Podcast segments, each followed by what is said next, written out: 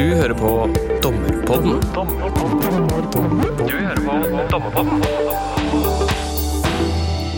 Velkommen til Dommerpodden. Jeg heter Ola Berg Lande og er dommer i Oslo tingrett. Eh, siden jeg er nettopp dommer, så er jeg ganske ofte i retten, og på mange måter så er det hverdagen min å sitte på dommerbenken i en rettssal. Eh, men det er lite hverdagslig i årets overførte betydning i det vi dommerne driver med. Vi tar avgjørelser som eh, er av stor betydning ofte for, for partene, og det gjør noe både med hvordan situasjonen oppfattes, og hvordan dommeren personlig oppfattes. I tillegg til det så er prosessen eh, ganske ritualisert, og, og det er mye symboler involvert. Altså du har Vi dommerne sitter høyere enn alle de andre, vi sitter i svart kappe, vi har riks, riksvåpen i ryggen. Tenk, Man bør ikke være psykolog for å skjønne at det både gjør noe med hvordan vi dommerne opptrer, altså hvordan vi ser på oss sjøl, og hva vi tillater oss å gjøre i, i rettssalen, og ikke minst hvordan vi blir oppfatta av eh, parter og advokater og andre aktører. Det er viktige ting å være oppmerksom på, syns jeg, Så, og det er det vi skal snakke om i dag. Hva er som er god dommeropptreden i retten, og hvordan påvirker dommerens kommunikasjon de andre aktørene. En som har tenkt mer på dette enn de aller fleste, og som har observert mange dommere nettopp med det for øye, det er deg, Karl August Heilmann. Du er eh, lagdommer i Borgarting. Velkommen hit. Takk. Um, en av grunnene til at vi har invitert akkurat deg, er at du har vært med på Domstoladministrasjonens prosjekt med kollegaveiledning. Um, det er ikke alle som hører på, kanskje, som er dommere, så kanskje du kan fortelle helt kort hva, hva det er for noe? Eh, kollegaveiledning er et prosjekt som ble satt i gang av Domstoladministrasjonen med tanke på å få fokus på de tingene du nettopp har vært innom. Hvordan er dommernes atferd i, i, retten, og hva kan vi eventuelt gjøre annerledes med en del av de variablene som du, som du nevnte. Eh, det er en metode som er basert på filming. Eh, opplegget er kort og godt sånn at vi snakker, den kollegaveilederen snakker med tingrettsdommeren først. Spør hva som er viktig for, for tingrettsdommeren, og da er det ganske unisont svar at, at, dommerne vil at atmosfæren i retten skal være god, den skal være avslappet, sånn at man får de beste forklaringene fra parter og vitner og tiltalte i straffesaker. Ehm, etter at vi har hatt den samtalen, innledende samtalen, så filmer vi innledningen til en eh, straffesak. Eh, gjerne til og med et vitne. Eh, den filmen danner da grunnlag for en eh, etterfølgende samtale med dommeren, hvor dommeren eh, ser seg selv og reflekterer over det han eller hun ser. Sånn sett er det mer selvrefleksjon enn kollegaveiledning, men det blir jo selvfølgelig sånn at man tar opp ting som, som, som man reagerer på selv, eller som vi syns er naturlig å ta opp. Dette er et prosjekt som går over hele landet, og som har som mål å dekke eh, flest mulig dommere. Eh, kommer stadig nye til. Hvor mange dommere har dere observert eller veileda? Jeg har ikke tallet helt klart for meg, men hvis jeg sier 350 ja, så, På ting, i, i tingretten. da. Brorparten? Ja, over, ja, over halvparten, da. Men også domfullmektiger, ja, som jo er en gruppe som det er fint å få med seg. Nå er det tanken at vi skal, altså Dette er et kontinuerlig prosjekt som, som vi holder på med. Eh, og har holdt på med nå i ganske mange år. Eh, det kommer nye dommere. Eh, tanken er nå å få dette inn som en obligatorisk del av dette programmet for, for nyutnevnte dommere. Sånn at vi kommer inn der og, og veileder allerede i starten. Jeg har selv blitt kollega og veiledet, og det var veldig nyttig, syns jeg. Bortsett fra at jeg, jeg har oppdaget at jeg ser veldig rar ut når jeg smiler, så det må jeg slutte med å gjøre. Um, ja, en innvending til det prosjektet er egentlig at jeg syns uh, eh, Kanskje det er rart at vi ikke har hørt noe mer om liksom, de generelle erfaringer som dere kollegaveilederne har gjort. Altså, dere har sett masse dommere gjøre antagelig både mm. bra ting og dårlige ting. Um, det kunne vært nyttig å liksom høre litt om det, og det, det er vel altså håpet at vi kan gjøre i løpet av den, eh, denne episoden av, av Um, ja, At vi skal snakke om dommeratferd, er ikke til å unngå at vi, eh, vi blir litt navlebeskuende. Ehm, men for å få litt utenfra-perspektiv, ehm, så har vi invitert eh, advokat Mette Yvonne Larsen, som, eh, som sikkert er kjent for de fleste. Hun har vært mye i retten og, og hatt profilerte straffesaker som var bistandsadvokat i 22. juli-saken og og forsvarer i, i den Vågå-saken. Velkommen hit. Takk. Hva driver du med om dagen? Dette? Nei, jeg driver jo med akkurat for så vidt det du nevnte, en litt større, litt profilert straffesak ute i Asker og Bærum tingrett. Og eh, streva mye med den. Jobba nesten hele døgnet med forberedelse, så det var et veldig fint avbrekk å ta en tur hit. Smigrende at du prioriterte det da, oppi, oppi forberedelser til stor sak. Men du som er mye i retten og, og ser, eller kjenner på uh, forskjellige dommerstiler, er det viktig, er det viktig syns du? Hvordan, hvordan dommerstil dommeren antar? Ja, det er faktisk helt avgjørende for hvordan saken går. Eh, og da tenker jeg ikke på resultatet, men på selve prosessen. Og jeg har jo tenkt mange ganger at nå har jeg vært advokat i snart 30 år, og jeg tenker at eh, det er jo min arbeidsplass. Det er min daglige, mitt daglige virksomhet. Og da trenger jeg å føle at eh, det er ok stemning, og at uh, dommeren uh, har respekt for den jobben du gjør, og at vi kan ha en litt sånn god tone. Så det har utrolig mye å si. Jeg kan godt utdype det når som helst, ja, det, hva jeg tenker om det. Får jeg håpe at vi skal Jeg, jeg lurer på, jeg, jeg, jobber i tingretten, og der sitter vi mye aleine, eller, eller, med meddommere som, som har en litt annen rolle. sånn at jeg kjenner jo mest min egen stil. Mm. Eller vært litt advokat òg, da. Men, men, eh, hva er deres inntrykk? Er det, har, oppfører dommerne seg, veldig, dommerne seg veldig forskjellig? Ja, de gjør jo det. Jeg vil ikke si at Altså, det er jo veldig få som har sånn åpenbare eh, Unnskyld uttrykket avvik, eller som skiller seg veldig ut. Det er noen, eh, noen stykker som skiller seg veldig ut med å kanskje være veldig sint eller å være veldig passiv, men sånn De fleste er jo på en sånn skala hvor det er akseptabelt, men eh, de skiller Altså, de er forskjellige. De er forskjellige personer, akkurat som dere ser advokater som er helt forskjellige. Så er dommerne også forskjellige. Men er, men er, skalaen liksom sint til passiv, eller altså hva, hva er Ja, skalaen er eh, Altså, skalaen er fra manglende prosessledelse til at man slår ned på alt, da, før mm. folk har kommet i gang. Og der mener jeg at det er bare noen helt få som er liksom på ytterpunktene.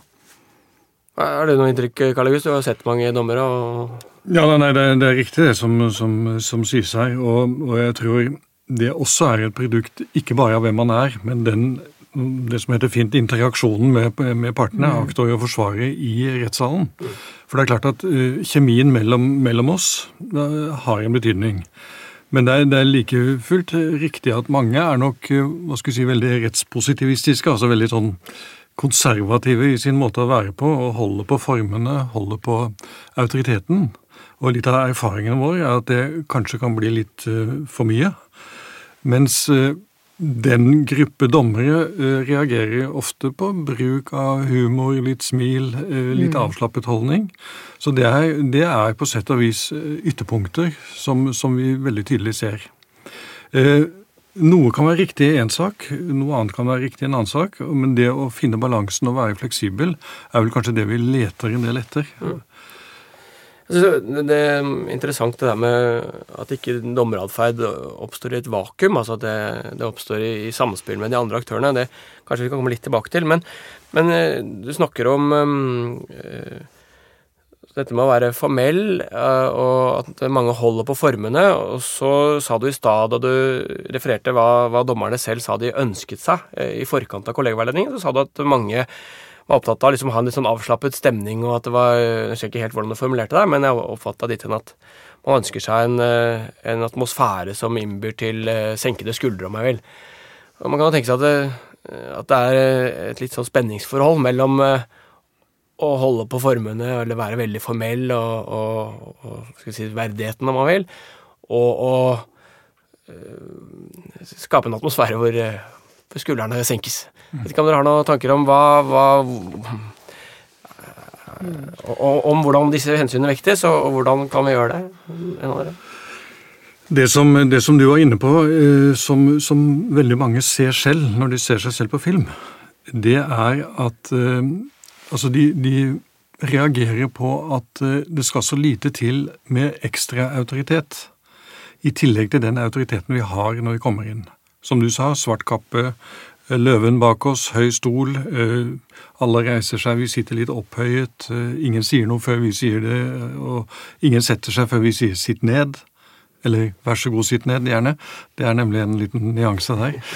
Eh, og, og da skal det veldig lite til av en rynke mellom øyenbrynene eller en litt et strengt eh, stemmeleie før den eh, autoriteten blir, det blir for mye av den. Og det er det veldig mange som ser selv. Det er ikke noe vi bør fortelle noen, men de ser selv 'oi, her virket jeg streng'. Jeg trodde jeg sa 'vær så god, sitt ned', men jeg sier jo 'sitt ned' som om jeg snakka til bikkja mi. Men de ser det når de ser seg på film, ikke, ikke når de sitter der. Nettopp. Og derfor har jo denne kollegaveiledningen en særskilt funksjon, funksjon akkurat når det gjelder det. Mette, tenker du om dette med om det er, Jeg vet ikke om det er i den grad det er noe spenningsforhold mellom det å være veldig formell og være jovial, om du vil? Altså, jeg tror at det for det første er det sånn menneskelig trekk ved oss, ved oss alle, da. Eh, at vi har ikke så lett for å se oss sjøl utafra. Eh, jeg jo Jeg ser jo på meg som en snill og vennlig person fra bygda i Nord-Norge, og så har jeg ofte fått spørsmål om og særlig i sånne eh, profilerte saker. Ja, du er ja, den sinte damen, og du ser jo så sint ut. Og så tenker jeg sånn Ser jeg egentlig sint ut? Og så tenker jeg tenker, kanskje jeg gjør det. Eh, og noen dommere òg, de er ikke klar over hvordan kroppsspråk de, de har. Og det som eh, Heilmann her sier, at, eh, at de glemmer at de har så mye autoritet allerede eh, fra før. At, eh, at det er liksom bare å si ett her stemmer litt, så skvetter vi andre til. Selv jeg gjør det, selv om jeg har i klypa sjøl, så gjør jeg det. Og jeg mener at den viktigste dommeregenskapen er å ha humor. Hvis du ikke har humor, så eh, Altså, hvis jeg ikke kan liksom Sånn som han dommeren som jeg sitter med nå i Askeberg tingrett, superfyr, han har litt humor. Så hvis jeg går litt for langt og sier sånn 'beklager', så ser han på meg og smiler og skjønner på en måte. Og da, da blir det liksom så behagelig å sitte der, selv om vi er uenige da, om ting. Jeg er jo helt enig i det, og jeg er jo en tilhenger av jeg får nesten i denne sammenheng si forsiktig bruk av humor. Fordi Ja. man må være veldig forsiktig med hvem humoren går utover. Det beste er jo at dommeren lar det morsomme han sier, gå utover seg selv. Eh, Og det, det gjør seg ofte veldig godt. Men det er veldig lett at noen føler seg forurettet. Og, og der sy syns jeg det er veldig viktig at dommeren til enhver tid tilpasser både humorbruk og strenghet med den situasjonen man er i. Fordi eh, humor kan være veldig nyttig overfor en nervøs, eh, fersk advokat som trenger mer bistand enn korreksjon. Eh, og, og da, men da kan også humoren virke mot sin hensikt. Det kan virke litt sånn latterliggjørende. Så det er veldig viktig å, å finne balansen. Jeg tror veldig på bruk av humor, men jeg har også ved flere anledninger selv eh, i alvorlige straffesaker hvor, hvor det har blitt en del latter, og responsen fra aktorer og forsvarere er at de begynner å spøke litt også. Eh, og, og da har det hendt at jeg har henvendt meg til tiltalte, og så har jeg sagt at eh, vi ler innimellom.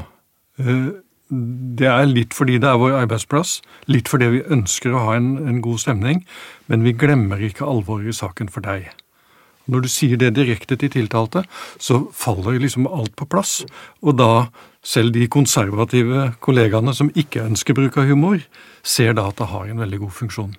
Ja, det, det, det gir mening for meg. Jeg, eh, bare si Når vi snakker om dette med, med å være formell og, og eh, uformell, om man vil så Da jeg begynte som lovformektig, så syntes jeg det var noe litt sånn kunstig med, med alle disse symbolene, og særlig kanskje med kappa. Så det er rart å ta på meg en kappe. Jeg følte meg litt sånn teit, egentlig.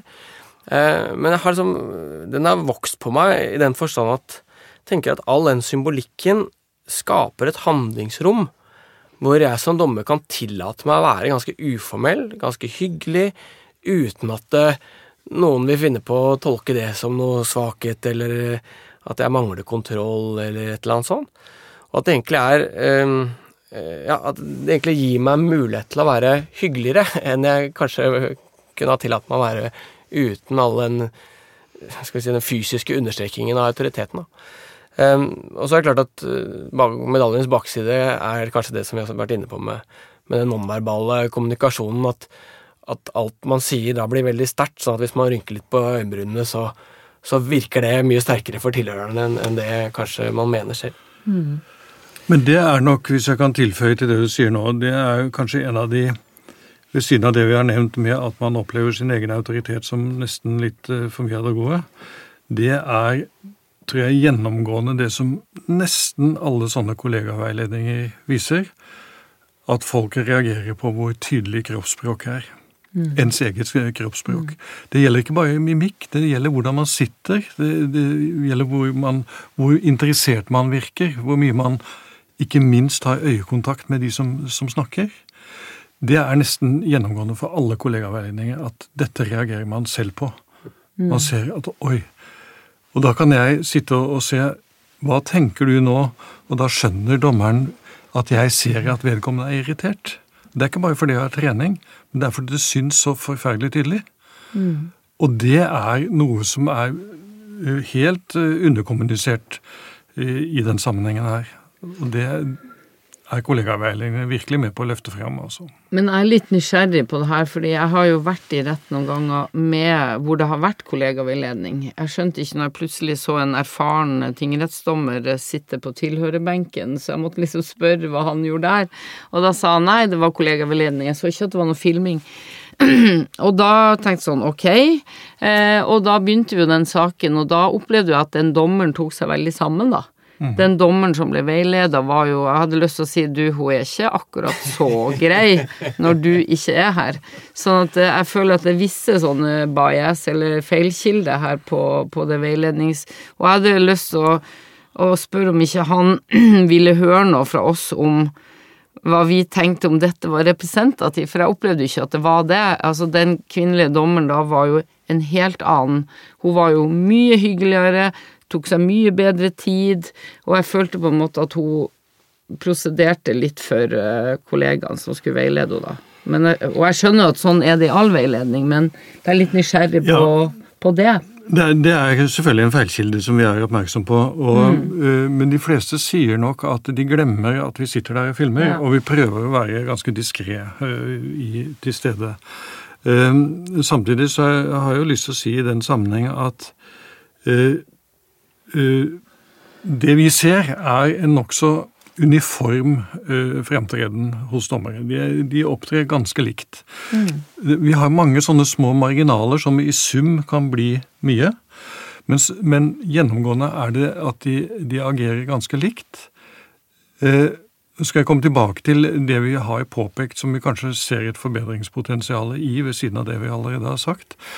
Men det vi ser som er likt, det er jo også uh, det at norsk dommerstand er, de er flinke. Og jeg tror vi har en slags dokumentasjon på det ved disse tilfredshet, eller disse tillitsundersøkelsene som er mot domstolene hvert år. Vi ligger altså på eh, rundt 85% årlig i tillit til norske domstoler i norske befolkning. Men hvem krysser av på de? Ja, De har ikke spurt deg, kanskje? nei, jeg har ikke det. Men- nei, nei, Men, men men har i alle fall, folk, folk har referansepunkter. Enten har de vært i retten, etter, eller de har sett rettssaker omtalt i, i media, eller de, de eh, har venner eller familie som har vært i retten. Altså det er privatpersoner? Det er privatpersoner Ja, som blir spurt, Ja. og, og gjennomgående må du si at det er sikkert et gjennomsnitt av befolkningen. Men denne trenden øh, og, og tilliten til norske domstoler er så tydelig at det må bety ikke at folk øh, blir frifunnet i straffesaker, for det blir jo de fleste ikke. Nei, nei. Og halvparten i de sivile saker taper sakene. Allikevel så er det 85% som er fornøyd eller har tillit til norske domstoler. Det bet må bety at de som møter domstolene, er trygge på det de møter. Det er min påstand. Det høres jo sånn ut da, det er klart, men eh, det betyr vel ikke at vi skal, skal eh, slutte å prøve å forbedre oss. Um, og, men bare til det du sa, Mette, det er jo eh, en åpenbar fare, tenker jeg, at man blir en litt sånn bedre versjon av seg sjøl når man blir filmet. Og det tror jeg må innrømme at jeg selv også Jeg tror jeg ble litt, mer formell ja, da jeg hadde kollegaveiledning, for jeg var redd for at jeg liksom er for uformell i retten. Men jeg tenker at hvis på en måte adressaten for den veiledningen er dommeren selv, og dommeren selv merker at nå endrer jeg atferd fordi noen observerer meg, så er det jo noe læring i det òg. Hvis, man ønsker å- er hvis man ønsker seg læring av det, så, så er det mulig å, å finne. Ja, men Vi ønsker oss i, under veiledningen saker som hvor, hvor det skjer et eller annet uvanlig. For da kommer Da glemmer man iallfall at man blir filmet. For da må man eh, handle og håndtere akkurat der og da. Men jeg, altså, jeg fastholder for så vidt det at dommerne også gir inntrykk av at de glemmer at vi er der. Og altså, hva skal vi si, Når jeg har sagt at uh, dommeratferden er ganske lik, og vi er, det er flinke dommere, så er det likevel et ganske stor spenn av hvordan man oppfører seg. Mm. Og det, det, ser jo vi.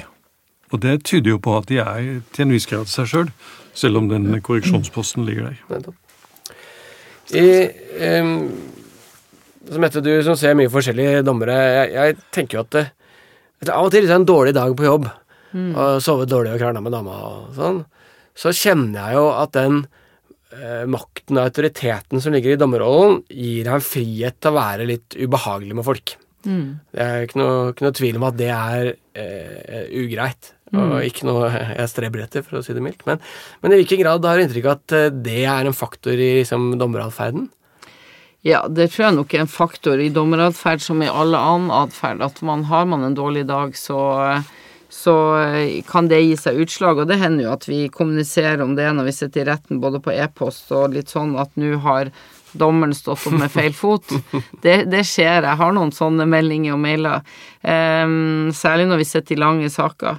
Uh, men jeg opplever vel først og fremst at det er litt sånn karaktertrekk ved enkelte dommere at de på en måte lar Altså blir fort sur og blir eh, litt sånn ugrei. Det, det, er som sagt veldig få, men jeg husker liksom en gang hvor jeg satt i en ganske lang sak eh, hvor jeg følte at uansett hva jeg hadde å komme og åpna munn, så var det feil og ble korrigert.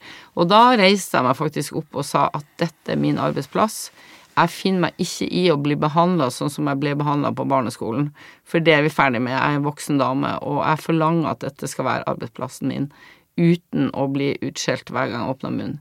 Og det funka som faen, hvis det går an å si det. det, det ja, den, den, så, den dommeren der, hun har bare liksom vært helt, en helt annen person etterpå. Hæ. Og så tenkte jeg kanskje at hun aldri har fått noe korrigering. Det er jo en ting altså, som jeg kjenner på. Du sitter litt sånn aleine, iallfall i tingretten. altså I lagmannsretten Karl August, så er dere jo tross alt eh, flere dommere. Men, men vi sitter veldig aleine, og det er jo de aller, aller færreste som eh, tør eller opplever å ha noe å tjene på å gi dommeren negativ tilbakemelding. Altså I den mm. grad du får tilbakemelding, så er det jo mm. fordi du var så utrolig flink og hyggelig. Mm. Sånn at det, jeg tenker at det Personlig i hvert fall, så, så vil jeg jo ønske velkommen eh, tilbakemeldinger også der hvor jeg ikke liksom treffer planken. Men det er det jeg lurer mest på i min hverdag. Er det lov å gi dommeren tilbakemelding, og på hvilken måte gjør man det? Det der var jo litt sånn out of character for oss begge to, men er det lov? Kan man gjøre det? Altså, jeg synes, Bare for å begynne med å si at bruk av autoritet for autoritetens egen skyld, det er ikke noe vi skal gjøre.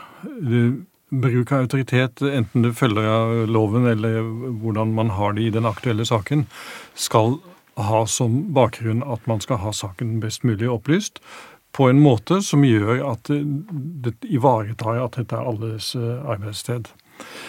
Og så syns jeg dommere har en spesiell oppfordring til å tenke hvis de irriterer seg over en advokat. Så det kan jo være like mye det som om advokaten irriterer seg over dommeren. At man prøver å få en balanse inn i forholdet som gjør at ting fungerer bedre enn det. Jeg opplevde i starten av saker at her er det så surt. Og så kan du bruke humor, så kan du bruke vennlighet, og så kan du bruke forsiktig irettesettelse, men du har jo å oppføre deg ordentlig.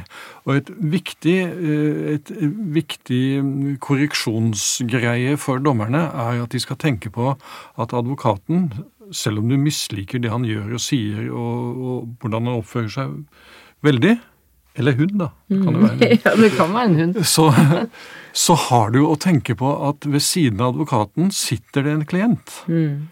Og den klienten skal få oppleve at eh, vi tar eh, hans eller hennes representant på alvor. Det syns jeg er en viktig rettesnor. Ja, det er jeg helt enig i. Altså, mitt poeng var bare at vi er mennesker og feilbarlige, også vi som sitter på dommerbenken. Og at, og at den uh, makten man har, og den manglende motstanden man møter, da, gjør at man kan tillate seg mer enn man kan i andre roller. Ja da, og, og da, skal jeg, da, skal jeg, komme til, til svaret på, på advokat Larsens. Ja. Takk. siden, de, siden, de, var på etternavnet her i sted. Eh, spørsmål. Det er jo at det er lov å, å si fra hvis man føler at dette her blir galt. Nå er nok de dommere som er den kategorien som alltid er sånn. Mm. Altså De har alltid krangla med kona eller mannen, eller stått opp med feil bein. eller er, det jeg egentlig sier, noen er sånn av natur. Mm. Så, så, vil nok det ikke fungere veldig godt. Det vil kanskje virke mot sin hensikt. Ja. Mm. Så, men at man på en forsiktig måte, eh, om nødvendig i lange saker, kan be om et møte med dommerne, mm. eller dommeren. Mm. Og si at vet du, dette er ubehagelig. Jeg opplevde det en gang eh, som, som dommer i, i tingretten da jeg var der at eh, en, en, advokat ble veldig usikker, eh, og han ble veldig sånn småfrekk mot meg som dommer. Mm. Eh, og, så, og, jeg følte at jo mer jeg på en måte tok opp, jo mer usikker ble han, og mer, mer, galt ble dette her. Han ringte til meg etterpå og sa at eh, dette ble ikke bra. Nei, sier jeg, det ble ikke bra. Ingen av oss oppførte oss sånn som vi skulle. Eh, det var han for så vidt glad for å høre, men det han sa, var at i hver pause så var motpartens advokat på han og sa at du hører vel det at dommeren ikke liker deg, du hører det at dommeren ikke liker det du sier, du, du kan bare gi deg, bare slutt. Og han var fersk advokat, ble veldig nervøs, og hele, hele på en måte prosjektet i aksjonen, interaksjonen med meg ble ødelagt. Mm. Selv om det hadde en helt annen årsak. Men når han sa det, så fikk det meg til å tenke på at vi skal tenke på at det er andre faktorer som kan påvirke hvordan vi oppfører oss. Mm. Og igjen, vi har jo oppført oss eh, ordentlig, og det har for så vidt advokatene også. Ja, det, var, det, det, her kunne, det kunne vært en, et innspill til episoden om advokatatferd, kanskje. Mm. Hvordan man behandler motparten sin. Ja, jeg kommer gjerne da òg. Ålreit, la, la, oss forsøke å prate litt om, um, om eh, litt mer konkrete Hvis vi begynner med begynnelsen. altså Man får ikke en, en ny sjanse til å gjøre et førsteinntrykk, som man, man sier eh, hvordan vi kommer inn i salen, og hvordan vi starter opp forhandlingene, altså om det er en sivilsak eller straffesak. Eh, om noen av dere har noen tanker om hvordan sånn helt konkret, hva, hva er en ålreit måte å, å, åpne på? Er det noen ting å huske på, noen ting å tenke på? Karl August, du? Førsteinntrykket vet vi er veldig viktig. De første sekundene. Eh, og jeg tror det, det man skal gjøre, er å være høflig se på folk uh, og opptre naturlig. Um, og det tror jeg er det aller viktigste. Og da ikke sette seg ned og bruke uh, det som kan fortone seg som veldig lang tid for de som sitter og ser på, 20 sekunder på å logge seg inn. Det, det er en sånn, og Hvis du i tillegg forsvinner bak skjermen, så har du pulverisert kommunikasjonen fra, mm. fra første sekund. Kontakt med en gang. Mm. Positiv kontakt. Det er jeg helt enig i, og jeg er litt lei av de dommerne som på en måte kommer inn, setter seg ned og sier sånn 'Jeg må bare logge meg på.' 'Nei, det er noe tull med Lovisa.' 'Nei, jeg må ringe teknisk.' Eh, 'Nei, jeg får ikke kobla dem på lyd.' Og så jeg sånn Er det ingen dommere som har lært seg dette lydanlegget? Det er alltid trøbbel med det, syns jeg. Nå er jo jeg litt sånn setter ting på spissen, men, men liksom å, å, fokusere på det tekniske istedenfor at det sitter folk der og har sin skjebnetime. Det gjør ikke noe om du får logga deg på Lovisa eller hva det heter eh, etter 15 minutter. Det går jo fint. Du kan skrive for hånd i tre minutter, sånn at, at folk får For alle er jo spent på dommeren, så slutt å snakke om teknisk, og slutt å snakke om Lovisa og saksbehandlingssystemet. Det er vi litt lei av. Jeg føler meg litt treff, truffet av det. Altså. Jeg synes, eh, Ta det til deg. ja da, men, det er, men det, er, det, er, jo derfor vi sitter her. Fordi at eh, jeg skal føle meg truffet. Um, det var derfor vi men, men jeg har lyst til å si at eh, de aller fleste som kommer i en rettssal, har ikke vært der før og kommer aldri dit igjen. Bortsett fra advokaten og selvfølgelig. Men vi skal ta hensyn til de som, som, som kommer inn eh, på et helt fremmed sted, i en helt fremmed verden. En rettssak vil aldri bli Altså, en rettssak vil aldri bli alminnelig eh, opplevelse. Det er noe helt spesielt. Men vi må gjøre vårt til at eh, det ikke blir en fremmedgjøring. Og der har vi mange virkemidler som, som veldig tydelig kommer fram med disse kollegaveiledningene. Vi har masse sånne innarbeidede, lovfestede ting med når man skal reise seg, når, hvordan tiltalen skal leses opp, eh, hvem som skal si hva og når. Og det i seg selv er, kan være fremmedgjørende. Det må vi ta hensyn til. Det kan hende i en situasjon at tiltalte skal få lov å sitte når han oppgir personalet. Et vitne som kommer inn som er veldig usikkert og redd, som setter seg rett ned på, på stolen behøver ikke å få beskjed om å reise seg. Altså Sånne ting kan virke skremmende. Det er det ene. og så Vi kan ta det først, men så vil jeg gjerne komme tilbake til det med vårt stammespråk. Mm. Som jo ikke er så ille som medisinernes, men, men ille nok. Mm. Det kan vi ta etterpå. Mm. Ja, eller vi kan godt ta det nå. altså ja. La oss snakke om stammespråk. altså Fordi, ja. fordi det mitt uh, favorittord her i verden er formentlig som brukes i alle straffesaker mm. og i alle politidokumenter, og det er ingen som vet hva det betyr. Um, heller ikke uh, De tiltalte vet i hvert fall ikke hva det betyr. Nei, men da er du i så fall rutinert da, som tiltalt. Ja, ikke sant? men, det, men, men, du begynner i saken med å spørre er det innvendinger mot dommerens habilitet. Ja, ja, ikke sant. Mm. Hva i all verden er det? Hvis du sier, i tillegg sier at du er habil, så betyr jo det i en annen kontekst at du er flink. Mm. Altså, Det er veldig dumt å spørre en tiltalt syns du jeg er flink. Mm. Altså, Habilitet er, skjønner man ikke. Avgi forsikring. Vi har jo opplevd at nei, jo, jeg betalte den premien i forrige uke, jeg, på bilen. Mm. Avgi forsikring. Altså, du skal love å snakke sant. Hvorfor skal vi bruke disse vanskelige ordene? Og der er det mange som etter hvert begynner å omskrive det. Istedenfor å lese en femlinjers uh, lovtekst fra en tiltale, så kan du si at du er, du er tiltalt for, for tyveri. Mm. Jeg pleier alltid å gjøre det. Og, og Istedenfor at du har borttatt noe i vinnings hensikt. Altså, det, det og det er jo ikke dommeren som skal lese tiltalen. Jeg synes jeg, jeg, jeg, jeg absolutt ikke. Det er helt feil. Ja. Det er statsadvokaten som skal lese tiltalen. For det er ikke Det er altså Det gir et feil signal. Det er statsadvokaten som kommer og forteller 'dette mener vi at har skjedd'. Dommeren skal på en måte ikke ha den Han kommer til deg med tiltale, men det er ikke din jobb. Så jeg misliker det når dommeren leser tiltalen. Jeg men, mener at det er en statsadvokat. Jeg leser nettopp fordi at jeg syns altså Politiadvokaten, som er de jeg møter oftest ja. i min, min instans, ja. Eh, fordi de leser eh, sant, hele lovteksten. Ja. Men da må de... du veilede dem. Ja, det... Og si at de ikke må gjøre det. For jeg, jeg syns det gir feil signal. Det er, ikke, det er politiets sak, ikke rettens. Ja, Det er mange argumenter med det. Jeg skal, jeg skal gi et sånt kjedelig juristsvar at det syns jeg er situasjonsbestemt. Eh, det, det, kan litt, ja, det, kan være litt, opp til noen forskjellige situasjoner. Men når du nevnte et av dine hva skal vi si, de begreper dere misliker mest, så, mm. så kom jeg til å tenke på det når jeg hørte en spurte på den gamle, riktige måten har du forsørgerbyrde? Mm. altså, har du noen barn som ligger deg til byrde, som du må betale for? Det er jo ikke, det er ikke meningen å si, si sånt. Hvordan, hvordan, Du, Mette, snakker jo med aktørene på en annen måte enn vi får gjort. Mm. Altså Vi snakker jo med dem innenfor denne liksom stiliserte situasjonen som en rettssak er. Hvordan Kan du si noe om hvordan de opplever disse tinga, altså knytta til bruk av språk og særlig, da? Mm. Um, det er ikke så veldig mye fokus på det, alt fra en barnevernsklient som er ressurssvak, til en uh, erfaren Økokrim-tiltalt. Altså, det de er mest opptatt av, det er liksom om dommeren er snill eller slem, da. For å ta det litt sånn folkelig. Sånn, hva mente han med det, hvorfor sa han det? De, de er veldig sånn opptatt av de signalene dommerne sender ut, men det er klart det har jo hendt at man må liksom hjelpe dem å oversette hva dommeren sier, da. Så det er en, helt enig med Karl August her at det er fremmedgjørende en del av språket.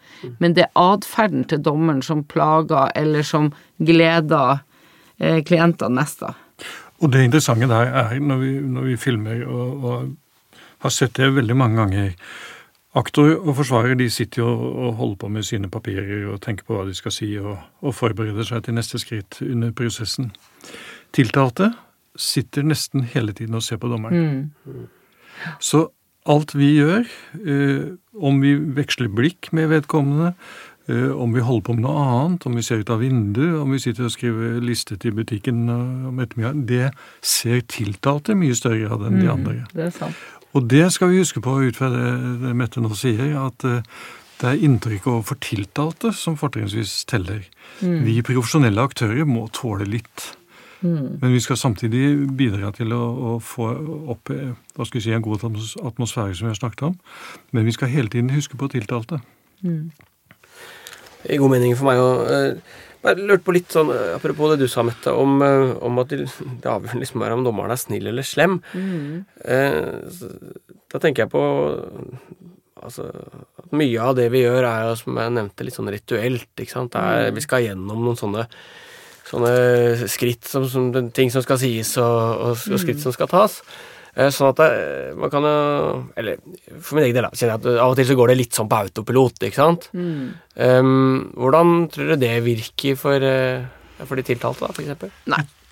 Ja, nei, det tror jeg Det tror ikke jeg er noe problem. Altså, eh, en tiltalt vil jo kunne komme inn, eller en klient i en sivilsak sivil sak vil jo kunne komme inn og føle at dette er en person som har gjort dette før.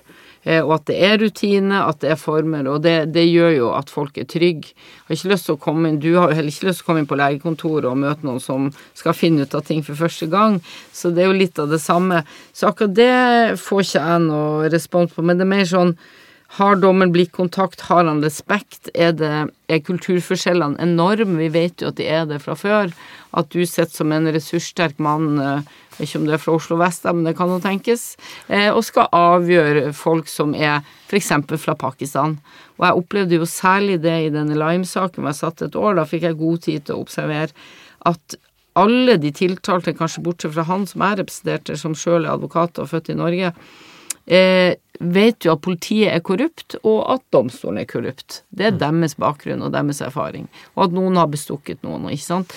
Da er det så utrolig viktig at man gir rom for å vise at eh, jeg vil høre på deg, jeg ser på deg som en helt likeverdig person som meg sjøl.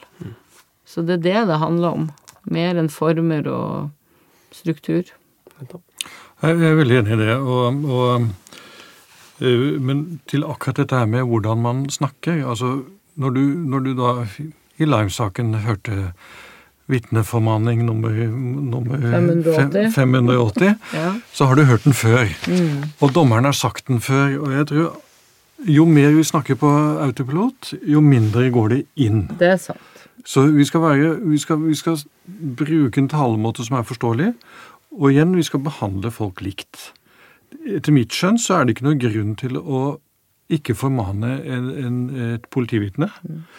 Når vi i tillegg etterpå vet at da kommer tiltaltesvitne, og han blir jo formant så øra flagrer, ikke sant?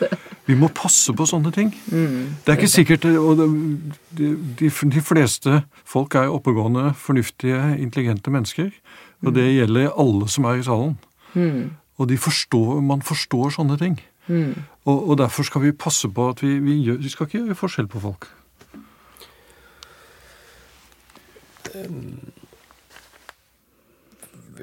Du var innom et, um, dette med um, fremmed...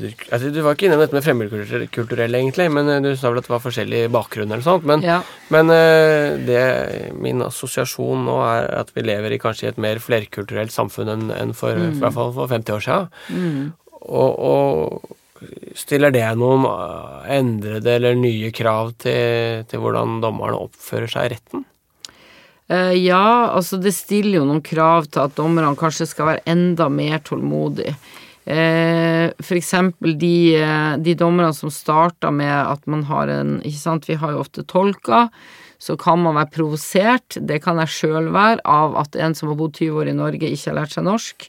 Men når dommeren begynner sånn Ja, du har jo bodd 20 år i Norge, da. Kan du ikke forstå Trenger vi tolk? Altså sånne ting. Det er jo ikke greit.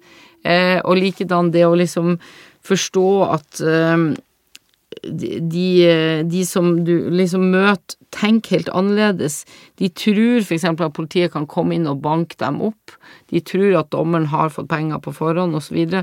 så de tenker annerledes. De må ha mer rom. Man må være tålmodig. Mer tålmodig. Og ikke utfordre f.eks. retten til tolk, som jeg også innimellom tenker på, men man holder bare munnen om det. Det, det, er, det er, viktig, og det er, det er bra vi også får nevnt dette her med, med de utfordringene som ligger i, i, kulturforskjeller.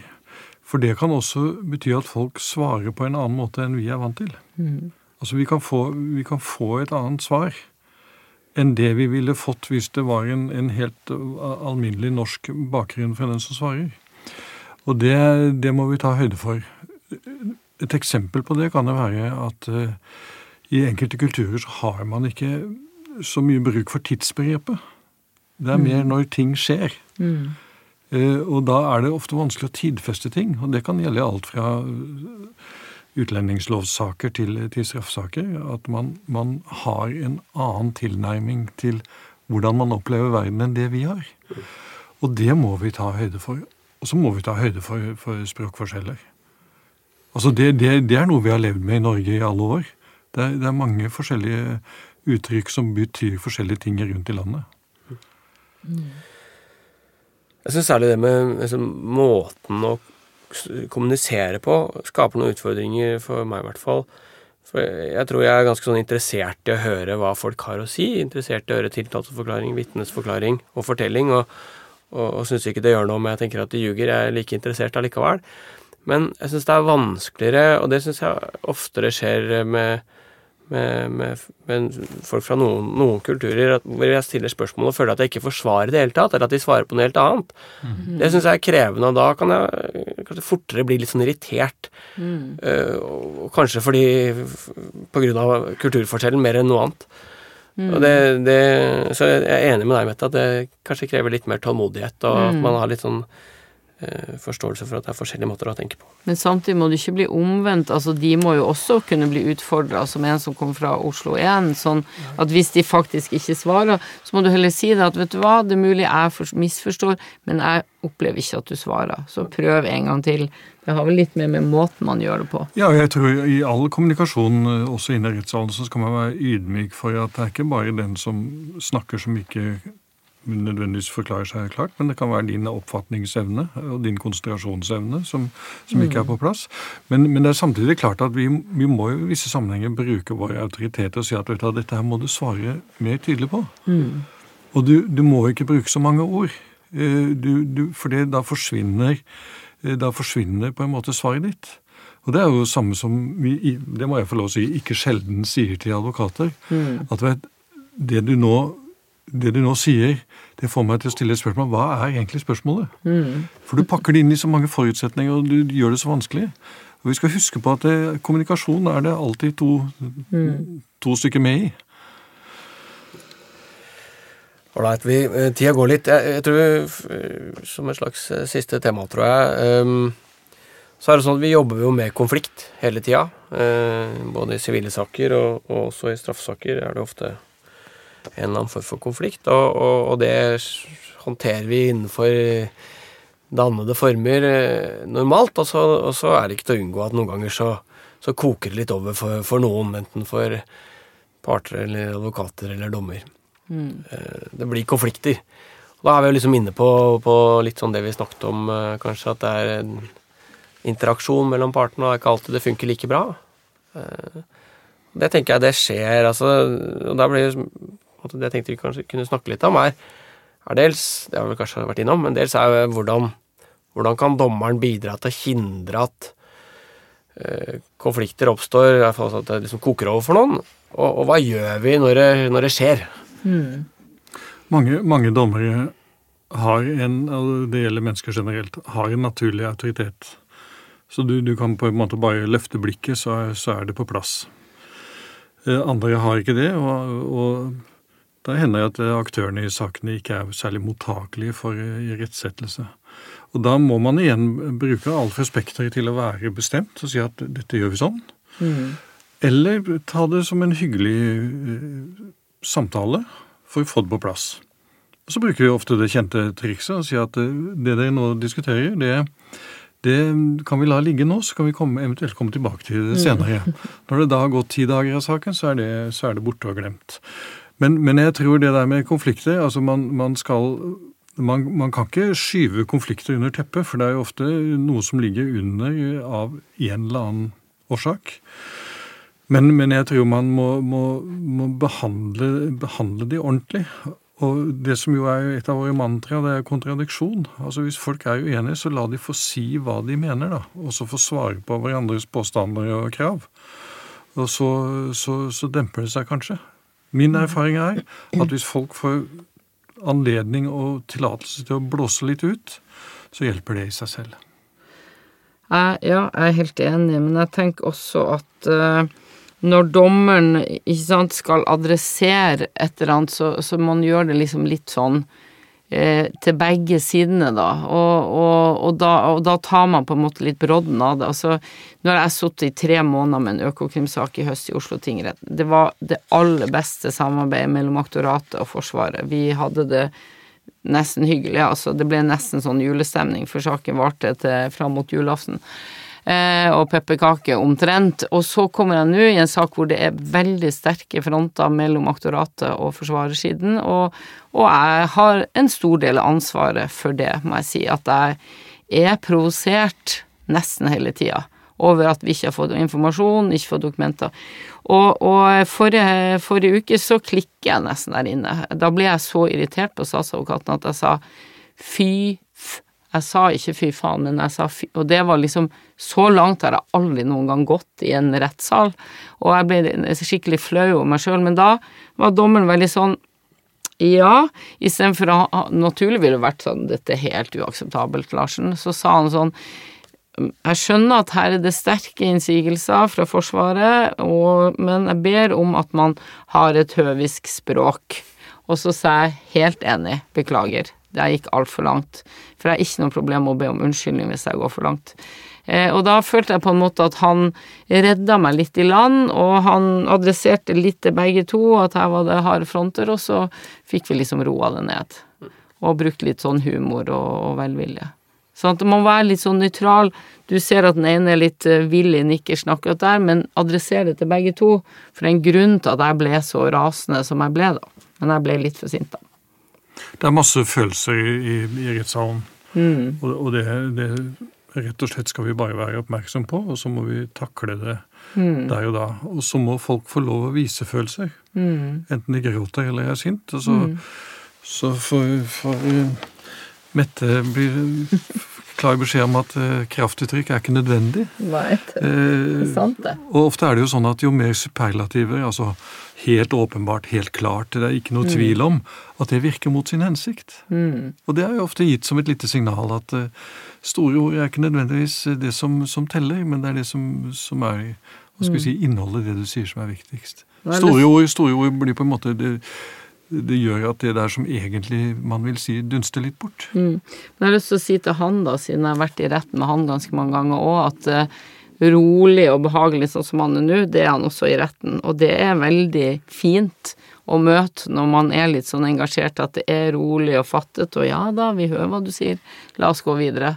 Så det er på en måte litt sånn man trenger, da. At noen ikke fyrer sjøl, men bare sånn Hører hva du sier, dette går bra, vi går videre.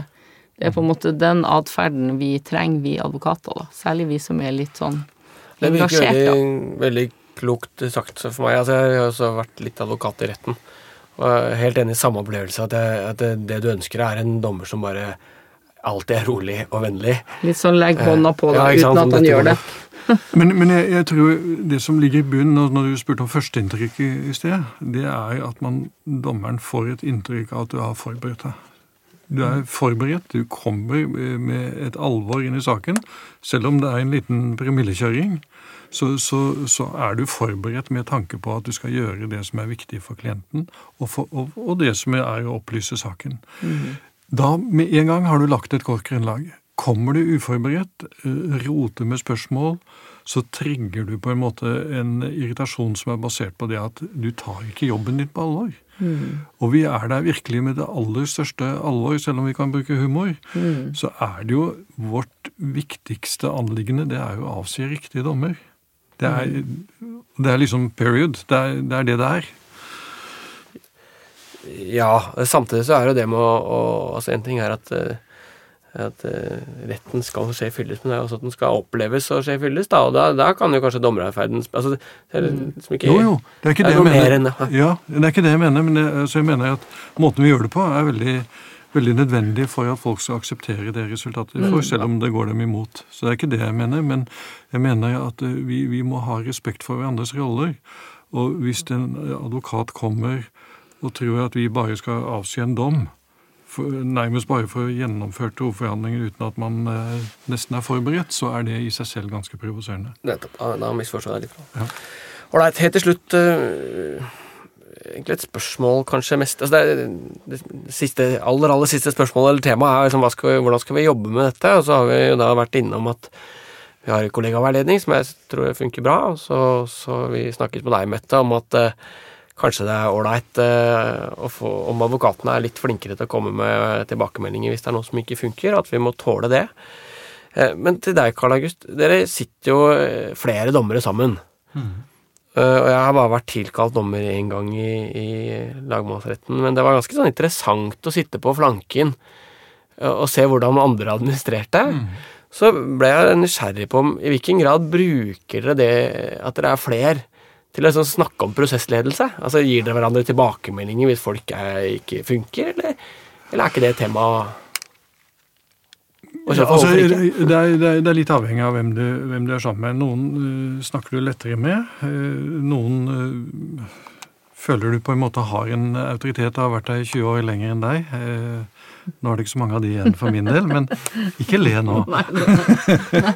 Eh, og, og det, så det, det, er litt, det er litt personavhengig.